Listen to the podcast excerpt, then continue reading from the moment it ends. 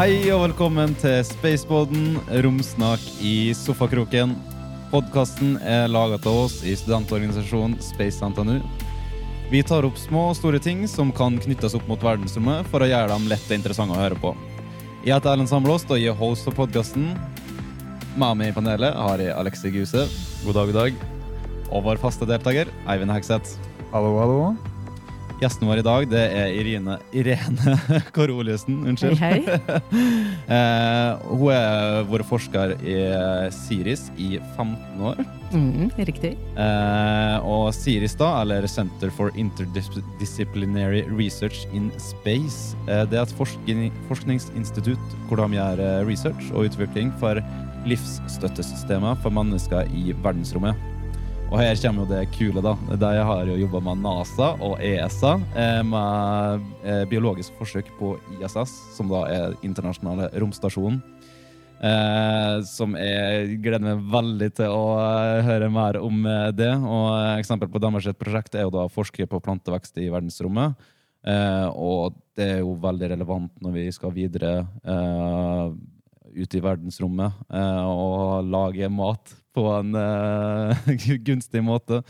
Eh, og kanskje kan også den forskninga hjelpe på eh, til plantevekst her på jorda.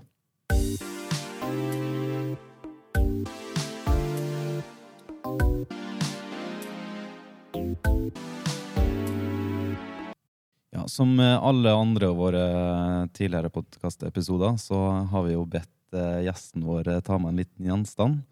Eh, kan ikke du ta fram eh, din gjenstand i dag, Irene? Jo, eh, det her er min lille gjenstand. Oi. Og hva ser vi egentlig eh, der? Spørsmålet med en gang. Eivind, du ser vel nærmest der. En boks. Eh, Det er en bitte liten boks som er ca. 5 cm lang. Aha. Og nedi her så kan du ha frø. Ok. Og så har du fem sånne bokser som du setter inn i en slags container. Som du putter inn i en inkubator på romstasjonen. Men er det, er det hva, Er det tomt inni der, liksom? Vi kan jo Eh, det, det, eller kanskje går det an å sende den altså, Ja, kan jeg sende den rundt til dere? Ja. Er det, altså, har du kun frø inni der? Er det også jord? Nei, det er ikke jord. Okay. Det er ikke jord, men eh, vi limer fast frøene på et slags papir. Okay. Og så har vi automatisk vanning, sånn at vi eh, sender en kommando fra bakken, sånn at vann sprutes inn på de frøene som ligger her. Men de kan jo bare vokse eh, veldig veldig kort tid, bare ei uke cirka. Fordi at det, den er jo veldig liten, den buksen her. Mm. Og det er arabidopsis, som er en liten plante. Så da sjekker man ut hva som skjer med røttene når de er i mikroge. Um, Og denne lille boksen her, den har vært på romstasjonen. den har vært på Den har vært på romstasjonen. Det er ganske kult. Det er ganske kult. det er Det, er det, det, er det vi tulla med, tror jeg. Første gangen, husker du eh, jeg Husker dere når vi, på vi måte ja, den helt første, første vår eh, episode hvor vi bare ja, den, har det no, Er det noen som eh, har vært i verden som Nei, det var ikke, de gjenstandene våre var ikke helt like kule. Og nå er det faktisk en gjenstand som har vært i ja. verdensrommet. Altså, men hva, dere ledningen, hva, hva mer er det? Er det en high-tech-boks, liksom? Eh, det ser, ser veldig high-tech ut, da. Ja. Mm. nei, det er koblingen til elektronikken, for det er lys. ja, ok, for Ja. å kunne Mm. se hva som er inni der, liksom. Mm, så slår Ok. man på lyset til plantene inni der. Så den er, det er en bitte liten boks som har såpass mye. Det er nesten sånn, Er det ned til nanoteknologi, liksom? Eller er det mm, Ja, her, Altså- ja det, er jo, det her er jo bare en bitte liten del av hele greia. hele Ja, okay. Sånn at alle, alt det som er rundt det støttesystemet, kan du si, er jo i den litt større boksen. Og Ja, i den inkubatoren som du kan kontrollere. Mange, Luft og lys og vann og forskjellige ting. Men stabler du dem liksom sidelengs, Mm. eller i Ja. en kube? Du Eller? legger, de, du legger de på sida av hverandre, og så Hvordan skal du se hva som skjer? Jo, du må ta bilder. Eller video. Så da tar du bilder av veksten underveis. Men. Ligger Mm. de liksom bare litt for seg sjøl, eller er det, passer folk på dem, eller er det Nei, det er jo operasjonsteamet kan du si, som passer på dem. Ja. Men vi trenger jo hjelp fra astronautene til å putte dem inn i inkubatoren. Ja. Så da må de liksom ta fram de eh, containerne, og så åpner de inkubatoren, og så setter de containerne inn på plass. Og da er de liksom de ferdig med sin jobb, helt til forsøket er ferdig, for da skal de her ofte hives i fryseren. Og da må de ta ut containerne igjen, og så klipper de av den tråden der. og legge i fryseren. hvorfor skal det i fryseren? Fordi da skal man ta vare på biologien inni. Okay, Man, man vil ha det tilbake til jorda, og så vil man se på det i mikroskop og sånne ting. ikke sant? Så den er i liksom nøyaktig stand, sånn som den var der, eh, Yes. der oppe? Ja, ok, Mm. Så det er en interessant måte å gjøre det på. fascinert i det her kommer vi til å snakke mye om eh, i løpet av podkasten. Den er interessant. Veldig mye mer Ikke bare spennende, men eh, Altså, det, det var jo det når vi uvanlig gjenstand. Ja, altså, det er jo Ja, nei. Det er det vi har drømt om, for å si det slik.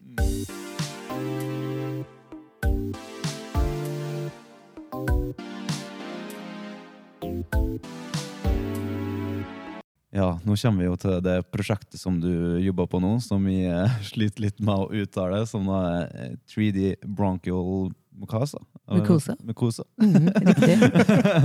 Og det, det er jo det skal opp eh, launches til eh, internasjonal romstasjon i 2023. riktig. Eh, kan ikke du presentere litt hva det går ut på? Jo, det er et prosjekt som går ut på at du skal sende lungeceller fra mennesker opp i mikroget. Ok. Ja, så det er, poenget er å lage et slags vev, der det er flere typer celler i lag som skal vokse i opptil tolv uker på romstasjonen. Hvorfor det? Fordi at eh, For man vil teste ut hvordan eh, gravitasjon påvirker lungene, for det er veldig mye som foregår i lungene som eh, mekanostimuli, som det heter. Som når vi er på bakken, som gjør at de skiller ut eh, forskjellige metabolitter og sånne ting. Altså, lungefunksjonen er veldig avhengig av gravitasjon. Okay. Og eh, når astronautene er på romstasjonen, så blir jo lungene litt endra. Men vi har funnet Mm. da ut at det er spesifikt lungene det er noe med, altså i forhold til andre Organer eller da og- antar ja, eller andre organer? Eller er det bare Nei, et tilfeldig at det kunne vært hjerte, for eksempel, eller eh, Alle organer blir påvirka når du er mikroge. Ja. Og alle systemer i kroppen passer rundt uten blir påvirka når du er mikroge. mm. Og noen ting er reversibelt, sånn som det her med lungene. Når de kommer Mm. til bakken, så får de tilbake det her lungevolumet og det som er normalt. Mens andre ting går aldri bort. For eksempel så får de skader på øynene sine av sterk stråling som ikke er på bakken. Som, Mm. Ja, for det Mm. er jo veldig interessant. Det er jo Mm. eh, Når du er ute i verdensrommet eller eh, en satellitt, eller hva nå så er jo eh, Først er jo eh, Det er påvirkningene. Det er jo Gravitasjonen er jo annerledes. Eh, eller ikke-eksisterende i flere Ja. tilfeller. Eh, eh, Strålingen jo- Så har du strålinga. Eh, vakuum hvis du ikke har eh, hva skal jeg si, pressured eh, Ja, et rom hvor du på en måte kan eh, Ja. sette, lage et trykk, da. Mm. Eh, hvordan er det, er det, Temperatur, kanskje, var det viktig å ta hensyn til. Eh, er det noen andre ting som du vil slenge på her, som vi ikke har nevnt? ja, altså biologien er jo tilpassa livet på jorda. Og det er jo 1G og ja. Sånn som vi har det her med natt og dag og lys og mørke og sånne ting. Og vi har jo et veldig sterkt magnetfelt på jorda som beskytter oss mot all innstrålinga. mm. Så ellers så har vi jo kanskje ikke kunnet levd her. Så med en gang vi beveger oss utenfor de her eh, betingelsene her, så må vi jo prøve å gjenskape det, eller prøve å lage et system som gjenskaper det. Mm. Og det er det som eksempel er livsstøttesystemet. Det er jo at du lager systemer som skal hjelpe med å lage oksygen, og lage vann, og lage mat og sånne ting som vi, som vi trenger når vi reiser opp dit, som en robot ikke trenger. det. Ja.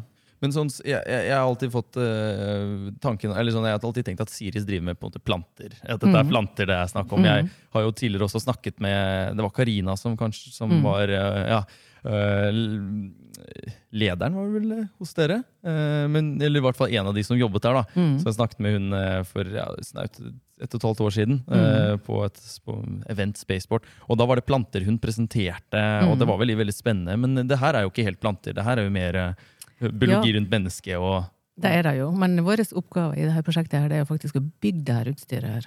Aha. Ja. Sånn at vi bygger det utstyret hos oss. Og det betyr at vi skal lage et lite hjem for det cellene, om du vil. Og så skal de cellene ha mat. De skal ha medium, og de må byttes ut. Så det betyr at eh, vi, i en bitte liten boks så skal vi lage noe, et system som kan støtte livet til de cellene i så mange uker. Ja. Og det er litt av en utfordring, for Ja, det, for du må ha jeg, jeg tenker jo, eh, Mm. hvis det, jeg skal drive og får oppgaver å passe på lungecellene til en kompis, så syns du det er vanskelig nok å gjøre det i seg sjøl, og så skal du sende det opp på romstasjonen, så Det er mye ting å ta tak i der, og det er et Ja. godt poeng. Men eh, hvor kommer eh, lungebiten fra? Eh, I og med at det har vært planter, og så nå er det lungegreier. Kommer det sånn som fra de to tvillingene som var astronauter som har testa, hvor én for til verdensrommet og én Mhm. gjorde ikke det for å se Mhm. forskjeller? Er det Mhm. noe bakgrunn som har fått deres prosjekt til å blomstre? Eh, nei, det vil mer si at det er for at vi gikk i retning mer av byggeutstyr. Før så var vi mer involvert i operasjoner. Ja. Og operasjoner av planter. Men nå vi har òg et stort prosjekt der vi skal bygge utstyr for planter. mm. Ja, Mhm. ok. Men eh, operasjoner som gjøres, det drives på Dragvoll, eller hvor Det prosjektet er avslutta nå, men i mange mange år så drev vi jo opp med operasjoner der vi støtta et veksthus som vi har hatt på romstasjonen. Ja. Mm. Men i stedet nå så bygger vi utstyr til en lignende veksthus på romstasjonen. For det er dere som er liksom liksom dem som får det til. Så da er det dere som bygger det. Ja, for Dere er vel på en måte største i Norge. Ikke bare største, men dere er på en måte de beste innenfor det her eh, i Norge. Og ikke, kanskje ikke bare i Norge, men eh, utover Jeg vil kanskje si at vi er det eneste i Norge Ja, som det er det kanskje eneste, ja. Det er Enda- enda bedre. Ja. Mm. Ja, Så, mm, så det er jo veldig sånn smal nisje, ikke sant, å lage utstyr. Sånn type utstyr, da. Men eh, det er jo mange i Norge som jobber med andre ting, som går på elektronikk og satellitter og sånne ting. Men akkurat når det gjelder bemannet romfart, så, Mm. så er det litt eksklusivt, da. Men da blir dere også en av de bedre i verden da, på kun sånne her type kammer eller vekstløsninger. Da må jeg jo spørre, eh, som en som ikke kan så mye om det, men har sett The Martian, Mm. den potetvekstinga der, eh, går det an? Eh, ja, nå hadde jeg nettopp et prosjekt med noen studenter der vi skulle prøve å dyrke salat i regolitt. Og det gikk ikke så veldig bra. Nei. Nei. okay. Vi fikk tak i sånn kunstig regolitt, eh, og når vi vanna den, så ble det nesten som sement. Ja, så det var ingenting som vokste der. Og bare sånn for å spørre regolitt til våre lyttere, hva er det for noe? Regolitt er jo liksom den, det her overflatestøvet eller jorda som man har snakka om at man har på månen og på Mars. Aha, Og det var jo da han dyrka poteter på Mars. Mm. Så han bare Ja. blanda det litt inn i bæsjen til kollegaene sine. For å få næring. det det ja. Men er det ja, noe Så- som kunne vært mulig at uh, astronautene gjødsla, basically, da? Uh, Ja, det, det tror jeg kunne vært være mulig. Men jeg tror kanskje du må eh, altså bearbeide jorda da. ja. Sånn at du, den, det blir nok luft til røtter og litt sånne ting som planter trenger. da. Mm. Ja, For, for det her er faktisk et veldig interessant spørsmål som jeg ofte har tenkt på. Eh, i, Hvordan i alle dager fungerer egentlig eh, denne altså jord Eller hva er det man bruker for å på en måte ha planter i verdensrommet? For jeg, jeg, kan, jeg kan huske å ha lest eh, en del om på en måte mm, Når Sovjet sendte opp sin i 1974 opp i sin eh, romstasjon der, så hadde de, de, de hadde et nett som plantene skulle vokse i. Det var på en måte første ordentlige sånn, testingen av liksom det man kaller space farming. da. Og da var det et nett de vokste gjennom, men eh, det var til tider problematisk og ble sikkert endra. Hva gjør man nå? Hva gjør dere? Hvordan, hva vokser plantene i? Eh, Plantene de trenger jo egentlig bare på en måte vann og lys og litt sånne ting. ikke sant? Sånn at du kan hvis at du, du trenger ikke jord i det hele tatt. Ja, Man gjør ikke det? Nei. Du kan eh, ha det i for eksempel stein, eller du kan ha en annen type substrat. Glass. Ok, Hos så- Så, Så, så jorda er bare noe for røttene å ta tak i, på en måte? nei, ikke, ikke bare da. Ok. For i jorda så er det jo mikroorganismer som hjelper til, og det er jo gjødsel, altså det her med nitrogen og fosfor og kalium og sånne ting er jo òg i Ja, jorda. ok. Og der bruker jo plantene akkurat som vi bruker mat. Mm. Så hvis at du dyrker planter som ikke er jord, så må du jo lage en gjødselsblanding med det som de trenger. Men har dere sett Mm. på andre ting, ja, sånn, altså media, å, Mm. bruke, da? Ja. Hva, hva dere bruker Nei, vi har brukt zeolitt, vi har brukt eh, pimpstein, som er vulkanstein, faktisk fra vulkan Hekla på Island, har vi dyrka planter i. Eh, Det er jo litt av en uh, gjenstand. Ja. Ja. Meteoritt Nei, Men betyr det vulkan? Ja, vulkan. Ja, det er sant. Nei, det er Mm. ganske, ganske interessant. Men er, sånn eh, mineraler og sånn, den trenger jo en del eh, Mm. næring. Hvordan eh, gjøres det? Kommer det inn sammen med vannet, eller er det Mm. blandet inn ja, i du løser det opp i vannet. Aha. Og så eh, det du kan gjøre, det er at du bare lager en liten holder som planten liksom holdes litt på plass da, rundt skuddet, da, kan du si. Aha. Og så eh, vanner du under, over røttene. Samme gjennom mellomrom. Med næring, sånn at det skyller over røttene, og så får de pust liksom innimellom. Og da vokser jo de på vanlige måter, sjøl om de ikke står i jord. Mm. Det er ganske spennende. For er sånn, en, et, spørsmål videre. Eh, Det var en periode liksom Charles Darwin i, i sin Mm. tid da, testet jo det med av hvilken vei eh, plantene vokser, altså røttene vokser. Mhm. Og liksom så Hvis man har planter på, på jorda der hvor det er flatt, så vokser det jo rett ned. Hvis man da har det i en vinkel, altså på et fjell for eksempel, da, nedover på skråningen, så Mhm. vokser på en måte de nedover mot eh, jordas eh, gravitasjons... Altså sånn mot kjernen, da. Mhm. Uansett. Hvor, hvor, så ikke med altså, så, sånn mot eh, Hva skal man kalle det? Gravito Eh, gra ja, gravitropisme. Riktig Ja. interessant. Og det, det er veldig bra at du sier det en gang. Hvordan er, fungerer det på en måte når det ikke er noe gravitasjon? Eh, Når det ikke er gravitasjon, så kan jo planter vokse med andre signaler, f.eks. lys. Okay. Ja, så hvis du gir en plante lys på romstasjonen, så forstår den ok, nå må jeg ha skuddet opp og rota ned. Mm. Mm. Det er lyset som gjør det. Men hva, hva skjer med røttene? Sånn direkte? Vokser de bare i, i alle De, retninger? nei, røttene orienterer seg i motsatt retning av skuddet, hvis den får okay. lys. Så de får Mhm. lys og sier Ok, da skal jeg sette Mhm. hodet mitt der, og fotene mine her. Ja. ja. Okay. Men hvis de har gravitasjon, så trenger de ikke lys. Da, kan bare, da forstår den Da forstår den. Mm. Ja, Da, for det får- da får den et signal om at ok, nå roter er over, og skuddet må i veien. Men hvis de ikke får noen ting, Ja, hvis de er i en boks oppe på romstasjonen og ikke får noen ting, da blir det helt vilt. Da blir røttene i alle veiene, og da vet en ikke ingenting om hvor den skal. Utrolig rart at, det at plantene har så mye innprogrammert Ja. i seg. Og liksom. det, det er råkult. Ja, for det er jo sansorikk, deg òg, liksom. Og det, men det er interessant at du, du ikke tenker over det, liksom. At, uh, ja, Ja, hvor smart han på en måte er. Jeg syns det var litt sånn morsom eh, historie der på den, eh, det som jeg nevnte da, den eh, 1974, når de sovjeterne sendte opp sin første opp i den eh, romstasjonen. Og det, det, det som var litt gøy, da, det her var jo på en måte den første, første eh, konseptet rundt eh, farming. Og kosmonauten da, som var der, og, som skulle egentlig eh, passe på den automatiske vanningssystemet, så jo at den vannet feil, eller ut fra hans mening. Eh, så mente han at den ene, for, den ene frøet eh, fikk for lite, det andre frøet fikk for mye vann, eh, så det ene begynte å råtne, og det andre ble jo tørt. Eh, og han eh, tok og, og kutta vekk den automatiske vannesystemet og begynte å vanne det selv, for han mente at det var mye feil. da. Og det som var litt morsomt, at ting begynte å vokse, og da nevnte jeg jo det med at han, den vokste i et nett. Og det nettet, eh, han trodde at når, det hadde gått ja, en par uker, da, så sa han at nei, til, til de på jorda, her er det noe feil. Altså, det vokser jo, nettet ødelegger jo for alt. Og han trodde da at røttene, det var planten. Fordi han så ikke forskjell hvor plantene og røttene var. Fordi det var såpass, og det var det som, der misforsto man hvordan gravitasjon påvirker det. Så de trodde at gravitasjonen, i det at det ikke er gravitasjon, ville påvirke det på en eller annen måte enn det det faktisk gjorde. Så han så ikke forskjell på planten og disse, så han gjorde jo nesten, nesten som at hele forsøket gikk eh, Han ødela alt. spillet. liksom. Nesten, ja. Men, men de sa at det faktisk var eh, vellykket fordi de fikk nettopp sett dette her, at Mm. ting fungerer jo fortsatt. Og at plantene da, Det ble jo påvist, tro, så vidt jeg husker, av amerikanerne nærmere 1999 eller noe sånt, at gravitasjon faktisk eh, ikke trengs, så lenge du, sånn som du sa. da. Mm. Eh, så det er jo ganske interessant. Men hva er det som Mm. gjør i plantene? Er det noe ikke, sensorikk som endres, liksom? At de kan bare skru på en bryter? Mm, det er en sensorikk inni plantene, ja. Det er det. Så det er systemet som gjør at uh, auksin, for eksempel, er et hormon som sendes i en spesiell retning for at uh, du skal få vekst. Mm.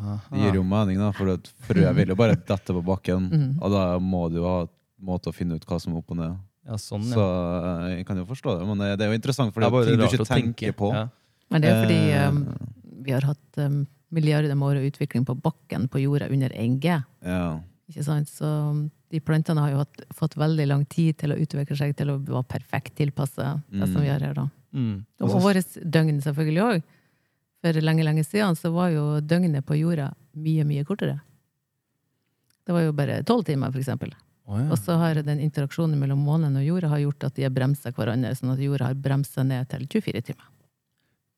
Interessant, det har jeg faktisk ikke ja, tenkt på. det har jeg ikke tenkt på i det hele tatt. Interessant. Ja, fordi at, det fordi at det, det drar på vannet som senker Ja, det, er sånn, liksom det blir sånn drag på- mellom Ja, månen og ja, jorda. Ja. ok. Mm. Men altså, eh, du snakka om næring til planter, mm. eh, og det trengs. Og dere sprayer en eller annen sånn tullegreie på den. Eller ikke tullegreie, en ordentlig greie. Nei, ja, En ikke tullegreier. ordentlig- nei. ordentlig greie. Eh, men da eh, Altså, da skipper dere sikkert opp da, en eller annen blanding, eller det, det skippes opp en blanding som mm. lages der, på noe vis. Men skal vi til Mars, og det skal være masse folk der, Mm. eh, kan vi da, sånn som de gjorde på den nye roveren nå, og fikk ordna oksygen ut fra atmosfæren, mm. er det sånn man også blir å lage de næringsstoffene? At du bare spalter ting som er i lufta, på en måte, eller i bakken? Eller må man fortsatt sende opp en hel Starship full av plantemat eh, i ny og ne? Jeg tror nok at uh, det finnes mineraler på Mars som du kan bruke til næring. Mm. Det tror jeg. Og så må man jo bli veldig veldig flink til å resirkulere alle tingene man bruker. Ja. Og det betyr jo eksempel at eh, hvis du spiser, la oss nå si jordbær, da, så tar du vare på alt bladverket og det som er, for det er jo næring i det. Ja. Og så kan du ha reaktorer som gjør det om til den næringa som plantene vil ha. Ja. Ikke sant? Så det blir som en kompostering, og da må man bli mye mer flinkere til å gjøre for når vi skal til Mars. Altså, let's face it, det er langt. Og hvis du skal dra på alt ut, altså du trenger dit, det, det går bare rett og slett ikke. Det blir dyrt. Nei, for det tar ni måneder å komme seg dit. Ja. Og bare da har du spist opp alt når du kommer fram, da. Ja, Man må sende sånn etterfyllingsskip allerede når man starter. Altså Det skal allerede begynne. Det må ha sånn depot. Ja, ja, ikke sant? Så bare sender ut mer og mer. Ja, jeg det har er sett på noe som heter eh, hydroponics, der du har eh, Jeg vet ikke om det er samme dere bruker for det, jeg Ja, det er hydroponics. Mm. Eh, men i hvert fall Er det da at du har akvarium med fisker? Har dere det? En sånn type? Eller er det bare at det ligger i vann istedenfor jord? For jeg, jeg har sett på noe sånt der, der du har fiska i, Mm. i et akvarium, da, og så har du eh, isopor eller noe å, å sette frø i på toppen, og så gror da røtter ned blant fiskene. Og Mm. når de, eh, så du mater fiskene, og når de gir da næring til plantene Mm. eh, som gjødsler, og Ok. så Mm. vokser plantene, for de trenger jo ikke jord, så bare røttene ligger der. Og så da eh, får du både eh, mat fra fisken og fra plantene. Og eh, det er mye mer Du bruker mye mindre mer vann, Eh, og du bruker Du slipper jord, og du slipper eh, Så eh, hva, har du, hva har dere gjort det innenfor det? Eh, Vi har jo hatt eh, hydroponikk, kan du si, i forhold til planter. da. Det vi har dyrket planter i glass, som jeg sa. Det vi har resirkulert vannet og tatt vare på vannet og næringa. Vi har òg hatt noen prosjekt med noen som har eh, smoltanlegg på land. Der vi har sett på om det går an å bruke det vannet fra de fiskene til å gi plantene. Og det går an. Mm. Eh, Så lenge så det ikke er så veldig salt, for at plantene liker ikke at det er så salt. Ja, akkurat. Men det er ikke nok næring, så du må tilse noen ekstra ting. Men det går an å bruke den blandinga. Og det er jo nyttig å vite at man kan lage forskjellige ting med det vannet. da, At man ja, Mm. samtidig kan kanskje dyrke salat på sida. Ja, for det er jo interessant det hvordan du kan gjenbruke vann, Mm. eller redusere vannbruk, og, og, Ja. og hvordan er det du gir næring, og alt Mm. det der. Det er jo kjempeviktig. Men Mm. har dere noe nå ute i verdensrommet, altså ute i, på ISS? Altså et av prosjektene deres? Uh... Ikke akkurat nå, nei. Nei. Men det blir, det blir, det blir. Ja, for hva er, eh, hva er på en måte de utsiktene nå for deres uh, Er det noe annet enn bare, ja, bare lungegreier? Det var jo men er det det som er liksom hovedprosjektet videre?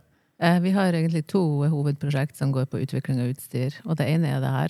3D bronkialmykose. -hmm. Og så er det et eh, prosjekt som heter VAPS, som er Water Across Plants. Og det er samme boksen kan du si, som det her med lungecellen, bare at det skal være planter inni der. Det skal være møngbin, altså en bønne, som Ja. skal opp på romstasjonen. Og da skal vi teste ut hvordan den tar opp næring, og hva som skjer i skuddet og i røttene når det er mikrogreier. Er sånn at greier den å ta opp næring på samme måte som på bakken, for eksempel? Ja. Og det skal jeg opp sånn omtrent samtidig, så det kan bli ganske hektisk når vi liksom er tilbake fra pandemien. Og ja, det er litt sånn uh, stillstand akkurat nå, da. Ja. Men, men hvem, hvem er det som eh, sender opp dette eh, for dere? Eller eh, dere antar ikke har egne raketter som, som går opp? Og hvem er det dere jobber med? Og, ja? Nei, det her er jo ESA-prosjektet, så vi bygger jo utstyret for ESA. Ok, så det er ESA Ja. som sender opp? Eh, interessant. Så da reiser vi eh, hand luggage ofte. Vi har en sånn fancy koffert på fly med utstyret. Så reiser vi til Kennedy Space Center. Og så er vi jo der med forberedelsene til launch. Ja, Og så blir det sendt opp i en SpaceX-rakett. i en eh, sånn re... Ja, hva heter det? Dragon-kapselen, på en måte. Mm, Ja. I Dragon, ja. Mm. Og ganske kult. Men hvordan, hvordan blir det med eh, altså når det endelig kommer fram til Mm. romstasjonen, sånn som med forrige prosjektet? Mm. Eh, eh, logistikk, som vi snakka om her. Altså, hvor, eh, det å jobbe med Det er jo veldig mye som foregår på ISS. Mm. Eh, så det er et visst antall astronauter som jobber her. Mm. Og alt det her er jo det store for NASA. og alle- Hvordan kommer dere inn i det hele? Hvor mye kommuniserer dere for å få satt opp ting? Hvor lang tid tar ting? Og hvor mye tid bruker dere av astronautene? Og hvor byråkratisk er det å være inni NASA-bolken og ESA-bolken? på en måte? Mye spørsmål der. Veldig mange spørsmål. Her var det veldig mange spørsmål. Skal vi se, hvor skal jeg begynne? At, ja, det er veldig mye planlegging. Fryktelig, fryktelig mye planlegging. Ja. Og det er, går på alt ifra hvordan du skal operere boksen, altså elektronikken, og det går på prosedyrer for uh, sette inn og ta ut.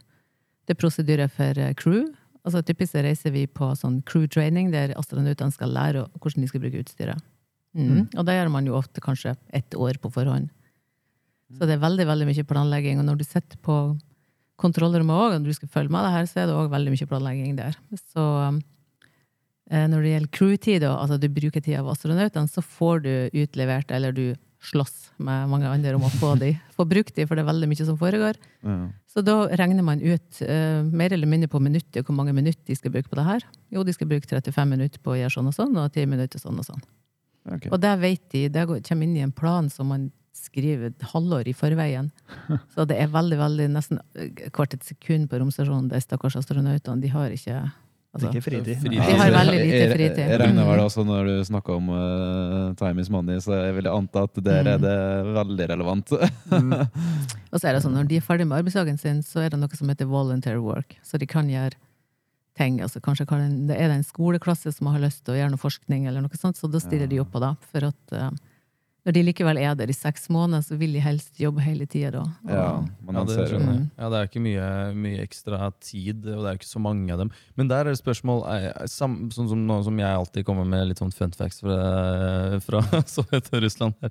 Eh, jobber dere på en måte Er det kun en spesifikk astronaut som, uh, som jobber med deres, eller er det sånn at eh, det kommer både russere og innom og, og på en måte NASA, ESA-astronauter? Eller hvordan uh, fungerer det der? Nei, det er jo Det kan være ESA eller NASA-astronautene Mm. som hjelper oss. Og det, jo, det blir jo en spesiell astronaut som får den oppgaven. Men av og til så skjer det jo at du får forskyvninger. At det blir, så ofte er det to astronauter kanskje på perioden etterpå, inkrementet som vi kaller det, som blir òg trena i samme oppgaven. Sånn okay, at ja. eh, ikke sant, så du ikke blir stående 'Å nei, nå er det ingen som kan det'. Nei. Så det er ofte to da, som kanskje blir trena i den samme oppgaven. Da. Mm. Ja, ok, Så, så type, eh, for eksempel russerne da har en egne prosjekter som de driver på med? Så det er ikke Ja. sånn at de er innom eh, det prosjektet her også? Nei, vanligvis ikke.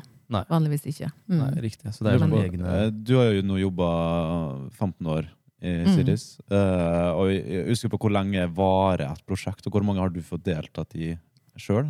Eh, jeg tror vi har hatt 13 eksperimenter på romstasjonen som jeg har fått deltatt på. da. Oi. oi. 13. Mm. Og det er er eksperimenter, altså er det på en måte 13 ulike ting som har blitt skutt opp, eller 13 Ja. Ja, ok. Mm. Aha. Wow. Nesten én i året. Det, det må være kult. Mm. Du har en kul jobb. Mm. Ja, ja, ja, det er jo Det er en veldig kul jobb. Ja, det. Men hvor mange er dere som jobber med de prosjektene? Og så Siris, hvor mange som er der? Hvor lenge har det holdt på? Når begynte det? jeg spi- Stille flere spørsmål, gjerne. Ja, det er liksom tre-fire slenger, eh, Det er litt for mye engasjement. Nei, altså vi er, nå er vi tolv. Ja. Ja. Så det har jo vært litt færre og litt eh, flere, liksom, ja, i perioder, da. Så, men um, vi har holdt på ganske lenge, da. Ja. Så det begynte jo med en professor som ble interessert i å sende opp eh, celler i sånn der high, sånn Womet. Comet. Å ja, sånn som det skyter mm. på seg flight. igjen. Ja. Mhm. Mm. Og så Derfor har det utvikla seg. Da. Han begynte jo allerede på 90-tallet med sånne, eh, med sånne ting. Mm. Oi da. Mm, Tor Henning Iversen heter han. Det var han som Wow. begynte å bli interessert i, eh, i planter i mikroG. Mm. Og, og, og- når var det på en måte direkte Siris ble etablert, sånn som deres som, som selskap, eller forskningsselskap, liksom? Ja, vi var jo først tilknyttet Institutt for biologi, og så det som heter Allforsk før. Mhm. Og så ble vi jo etter hvert innlemmet i NTNU samfunnsforskning, men akkurat hvilket år vi ble Siris, Det er kanskje mm, 2006? Jeg er litt 2006, ja, så dere har holdt på en god del. Så du har vært Ja. med på nesten eh, helt, eh, helt siden start? Der, eh. Ja. Nesten, eh, nesten siden det første. Ja, jeg, jeg, jeg jobba faktisk på det første eksperimentet. Mm. Wow. Men det er, noe du, du, du, du, det er ikke sånn at det, på en måte, du har blitt litt lei, eller at du, er, du brenner fortsatt like mye for det her? Ikke sant? Du ønsker å videreutvikle alt, eller hvordan, hvordan er følelsen nå, på en måte? Som du har vært med på det så lenge? Eh, jeg blir jo mer og mer space nerd. Og du var ikke det i utgangspunktet? Eller? Jo, jo, jeg var interessert, men jeg er blitt mye, mye mer interessert nå enn jeg var før. Mm. Hvordan starta det eventyret? For vi har veldig mange lyttere som er veldig, veldig interesserte på en måte eh, hvordan det er å, å, fra en si, vanlig student, for eksempel, da, eller ha en vanlig jobb, til å bevege seg mot å faktisk jobbe med verdensrommet. For det er jo veldig mange som tror at verdensrom det er noe som er såpass langt unna at du må enten være i NASA eller, eh, eller ESA eller liksom Roskosmos. og det er, det er, Norge har ikke noen mulighet her, men her ser vi jo nøyaktig det omvendte.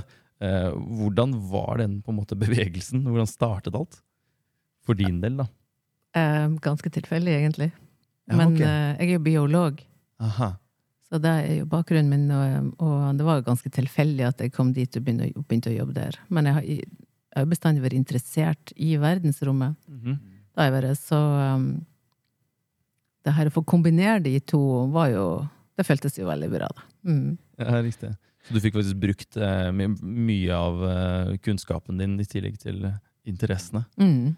Og det er jo sånn at eh, man kan jo holde på med space og verdensrommet selv om man ikke er fysiker eller astronom eller pilot. Mm.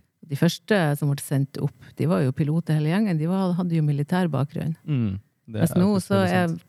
Tenk, ja, vi trenger kanskje psykologer, for eksempel, som kan eh, ja, det her med å reise langt vekk fra jorda sånne ting. Så vi trenger et veldig sånn bredt spekter av fag for å Mm. komme oss til Mars. Det vil jeg si. Det er interessant. Men tenker du at det er biolog, eh, eller en person som er um, veldig dedikert til nettopp det med å, å plante, altså plantning og alt, eh, alt som type, trenger man en sånn person med til Mars? Eller kan man lære astronautene den, den på en måte det lille til å opprettholde de automatiske systemene? Eller, ja? Astronautene lærer jo veldig veldig mye forskjellig når de er på romstasjonen. Og så er det jo sånn at de har et gedigent team på bakken som de får hjelp av. Og sånn er det jo hele veien, for de, jo, de kan liksom ikke Ekspertene er på bakken, og de kan ikke lære seg alt. Nei. astronautene da. Så det er klart, de ringer jo ned, og de spør jo om hjelp, og de får jo hjelp fra masse forskjellige team som sitter på bakken, da, som hjelper de. Mm. Mm. Og sånn vil det være på, til Mars òg, selv om det kan ta litt tid for å få svar, fordi at det er jo det er veldig langt. Eh, Har du vært liksom i direkte kontakt med deg, astronautene og sånne ting, eller er det via via andre folk? eh? På Eh, kontrollrommet så er det en, en som er sjef, som snakker med astronautene. Ok, Så det er ikke du som sitter liksom Nei. og sånn uh, setter vi inn frøet og uh... Nei, men eh, på, på forhånd så har jeg vært på crewtraining, der jeg har vært med på hvis astronauten hva han skal gjøre når han kommer opp. Men det har jo vært på bakken. Ja. Mm.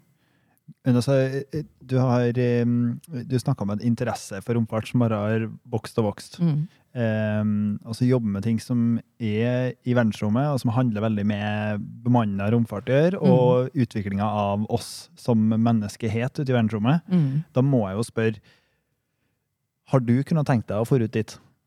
Til månen eller til Mars? Eh, litt usikker, men eh, ja, kanskje en gang. Hvis at ikke han på en måte betalte flere millioner for seg. For det, altså. for da, da, da blir du nettopp den biologen jeg snakket om at vi trenger i verdensrommet. ja. Altså, er det interesse selv om du ikke drar tilbake igjen? liksom? At det er dit du drar, og så er du der? Sammen med alle de andre som drar dit, da, selvfølgelig. Men uh, enveisbillett, det er av interesse. Det tror jeg ikke. Nei. Nei, jeg er altfor glad i de biologiske systemene på jorda. Det er for få av dem på Mars ennå. Ja, det blir den ene som man får, eh, får prøvd seg på, men eh, fortsatt Ja, det er sant, ass. Mm. Har, du, har du vurdert eller søkt eller prøvd å være direkte på romstasjonen, eksempel? Du sjøl? Nei. Nei. Nei. Men nå er det jo utlysning, så nå må dere jo bare kjenne deres Jeg har ikke fått master ennå, så det, Ja. det ja, sant, sant. Mm. Det blir jo det blir bare søken, og er det med en gang du får den eh, Det er superspennende. Mm. Jeg syns det er skikkelig kult det med at uh, dere er såpass veletablert i bransjen, og at Mm. dere er såpass um, Altså, dere er skikkelig dyktige. Dere er på en måte en sånn um, i- Det blir litt sånn uh, bauta i sitt segment da, uh, i romfart, og at det er norskt. Mm. Det som er kult, eh, og med, sånn som vi har snakka om flere ganger her, er jo det med utviklinga i Norge nå, med interessen som kommer generelt. Du har med Andøya som skal bygges ut. Mm. Altså, bransjen kommer bare til å vokse veldig i Norge. Mm. Og det, det er liksom det, det å være tidlig ut, sånn som dere har vært, da, og jobba med en stund, og være såpass flink. Dere kommer til å være liksom det hovedgluet til bransjen, føler jeg, i lengden, i og med at dere er så tidlig. Eh, dere må jo bare vokse ja, veldig mye fremover. Har dere tenkt på sånn som med Andøya, da, som blir å bygge småsatellitter og sånn, og eventuelt sende opp ting i satellitter for å teste ting, og ikke ha det på romstasjonen? Kan det ha en egen læreeffekt? Ja, altså når de begynte å teste eh, biologisk materiale, og sånn, så ble det skutt opp i raketter, sounding rockets og sånne ting, som var kanskje oppe bare noen minutter. Ja. Og der de begynte med aller først, det var jo drop towers. Hvis du hørte hørt om det? Nei. Nei, det er sånne tårn der de slipper noe høyt. Hø- Hørtes veldig sånn ut fra navnet. Ja. Og så får du bare noen sekunder Ja. med mikro-G, Ja. som de da filmer. Da kan du finne ut hva som sånn. skjer. Og der bruker de f.eks. i fluid science, og der de ser på hvordan eh, forskjellige typer løsninger og metaller og alt mulig kan, kan oppføre seg når det blir de her små sekundene med mikro-G. Og så gikk man videre til å bruke raketter der det ble noen minutter, ikke sant? Mm. Og så har det her bare videreutvikla seg til at man nå Ja, nå har vi jo hatt eh, en romstasjon sikkert eh, like lenge som dere har levd. Ah, Når var det den kom, da? Eh, Jeg tror den kom i 1998, var det ikke det? Jeg tror eh, ISS for flere år siden, siden. vet du. Mm. Nei. Ja, 97 kanskje. Ja, det var akkurat et. Jeg er var akkurat jeg- et år eldre. Her blir du en romstasjon. januar 98, så kanskje Ja, ja, ja. ja, for før, før, før det så var det vel Mir, Mir sovjetiske romstasjon der som Mm. ble brukt. eh, Men eh, eh, romstasjonen har jo vært på en måte hovedbasen for det dere har holdt med, og Mm. dere har flere ting i loopen. Mm. Eh, hva med Lunar Gateway? Har dere noen tanker der? Har det en annen effekt, eller er det i planene? Ja, vi har jo veldig lyst til å være med på prosjektet på Lunar Gateway òg.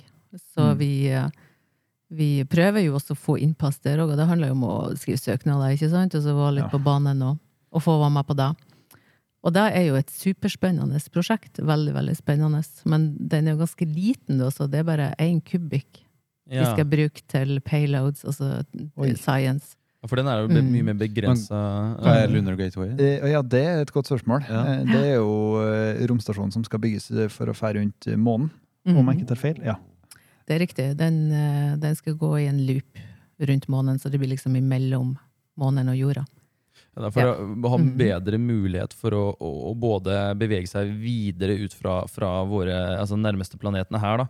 eh, Bevege seg videre, men samtidig ikke ha muligheten til å lande lettere på månen. Da. Eh, At du Ja. har en alltid, som sagt, lunar gateway, da, så at du har Ja. en eh, som en sånn mellombase. Da. Eh, og den skulle i utgangspunktet være internasjonal, da, eh, med de fleste.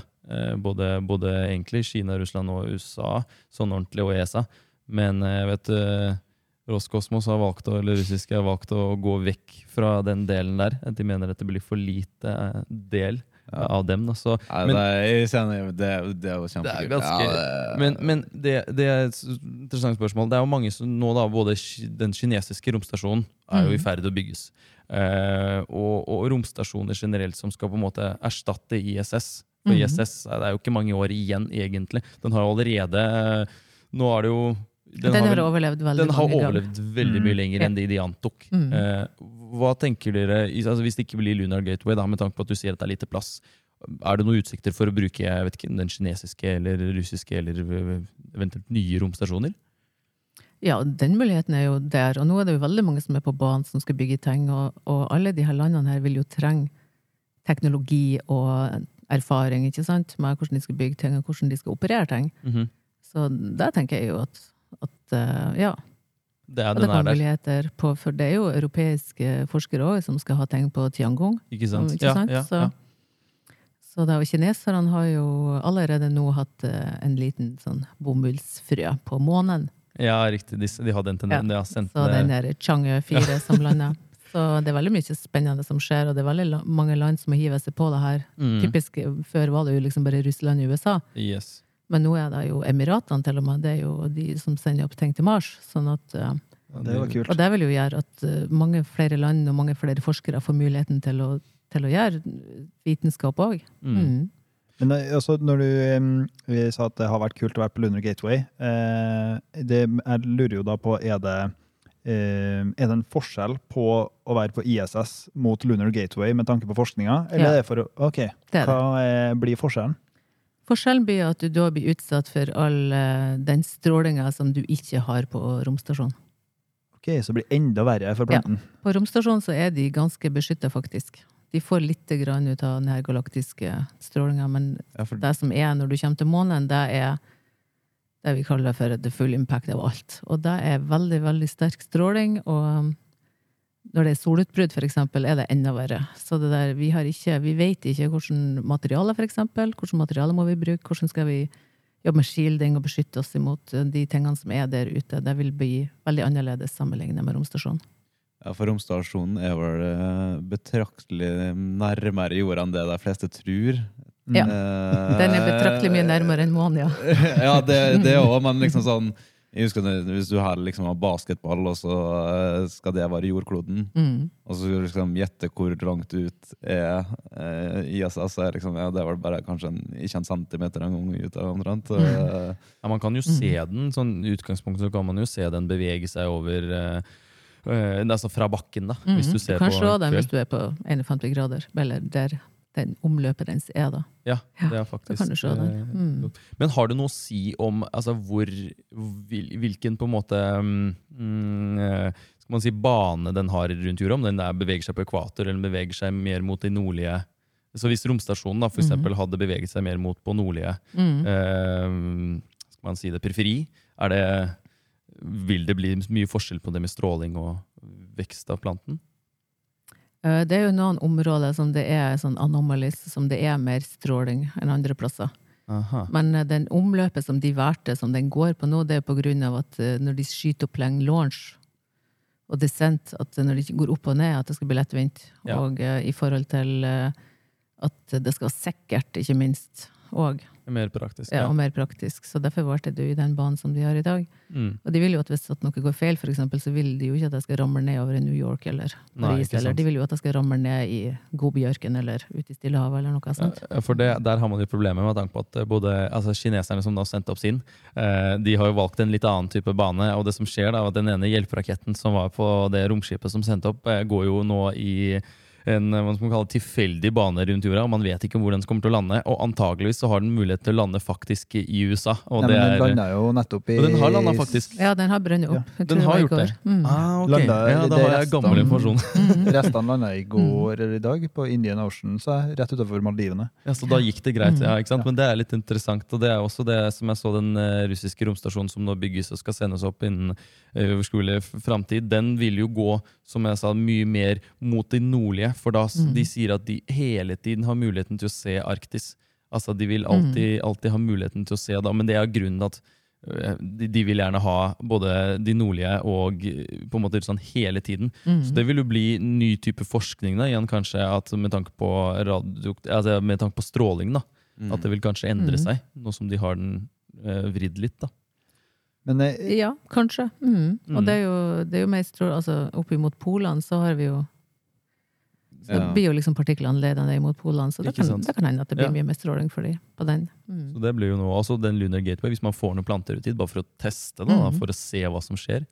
Eh, men Mars, da. Mot Mars, ja. dit. Eh, når man da skal fly dit, hva, hva slags type forskning trengs, eller gjenstår? Er det mye, har man, har man det klart egentlig til å sende noe til Mars, med tanke på uh, Hvis man skulle nå da, for eksempel, skal ha, ha et kjempesvært eh, romskip, da, Mm. uh, har dere på en måte den forskningen man trenger for å ha en liten, uh, liten gård om bord på det romskipet? Både ja og nei. Mhm. man er kommet veldig langt med å lage livsstøttesystemer, som det heter, da, som går på å lage oksygen og lage vann og alle de tingene som man trenger, og som planter trenger, og biologisk liv trenger. Men den største utfordringen med å reise til Mars, det er jo nettopp det at det er så langt, også all den strålinga. Mm. Mm. Og det er det som er aller verst, det at man ikke Altså, den strålinga er veldig, veldig skadelig for alt biologisk liv. Og hvis vi ikke greier å løse de problemene med stråling, så jeg tror jeg det kommer til å ta lang tid før vi kan reise dit. Er det det som Mm. er liksom det største problematikken med biologi? Ja, i? Det er det. Ja, så, og det er både problem for eh, menneskekroppen og da plantene. Ja, Det er det. Interessant. Jeg, jeg, jeg lurer på, Nå har jo du jobba noen år her og vært på på en del prosjekter. Eh, er det noe som du ikke hadde forventa, som du har lært etter hvert, eh, om biologi? Sånn type, Vi lærte jo at frø eh, blir påvirka av gravitasjon. Mhm. og, og det liksom var noe sånn Wow, det hadde jeg ikke forestilt meg eh, på grunn av de prosjektene eh, som du kommer på. Nei, det jeg har bitt meg merke i alle de her årene her, det er jo liksom the devil is in the details. Ja, okay. Og det er liksom at, at en bitte, bitte liten ting kan velte noe kjempestort. Okay. At du må være så nøye med Liten tue kan kan Ja. stort. eh, Som for eksempel den der keramikkplata som eh, ble løs på en av romferjene som gjorde at den eksploderte. sant? ja, okay. At det er så veldig, veldig lite som skal til fordi at alt går gærent. Og at du må planlegge og planlegge og planlegge. og ja, all, Hver minste skrue må være limt på plass, og alle de tingene som er kjempenøye for at det skal gå bra. Har dere hatt uh, mislykka prosjekt? Eh, ja, det har vi hatt. Det hører jo med når det er romfart. ja, ja, sant. Jeg, jeg lurer på, sånn eh, med tanke på Siris, Ja. åssen ender man opp der? Sånn eh, for dem som hører på, som tenker at romfart er utrolig kult, og vi snakker snakker om nå at man trenger alt mulig forskjellige folk. Mm. Ender man opp der? Og, bare, og er det noe man må være redd for? sånn med en gang. Dobbeltspørsmål. Dobbeltspørsmål. Ja. Nei, jeg tenker at, at det er veldig mange forskjellige utdanninger at du kan ende opp i, i space. Altså, for det er så mye ting som må løses, det er så mye tekniske utfordringer. Biologer og fysikere, ingeniører av alle slag. Kanskje psykologer. Altså, det, man trenger alle de folkene for å planlegge logistikk. Mm. Og man trenger automasjon, ikke minst. Og man trenger ja, å finne ut av ting. Hvordan skal alle disse systemene settes opp, og hvordan skal de sendes opp, og hvordan skal vi gjøre det? Mm. Så det er rett og slett fullt mulig eh, å egentlig bli med på det space-eventyret uten å Det er bare, det er bare å kaste seg rundt. Det er ikke noe å vente på. Ja. Skulle gjerne ha snakka med deg lenger òg, så eh, det er jo kjempekult at vi har fått deg på besøk her. Tusen takk for at du kom og representerte Siris. Mm. Tusen takk for meg. Eh, takk til dere lytterne som har sittet og hørt på oss i dag. Eh, vi vil også takke Fram for at vi får bruke lokalet deres.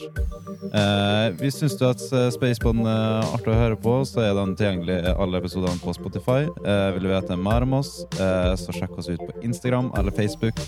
Eh, du kan også finne ut mer informasjon om oss på nettsida vår ntnuspace.no.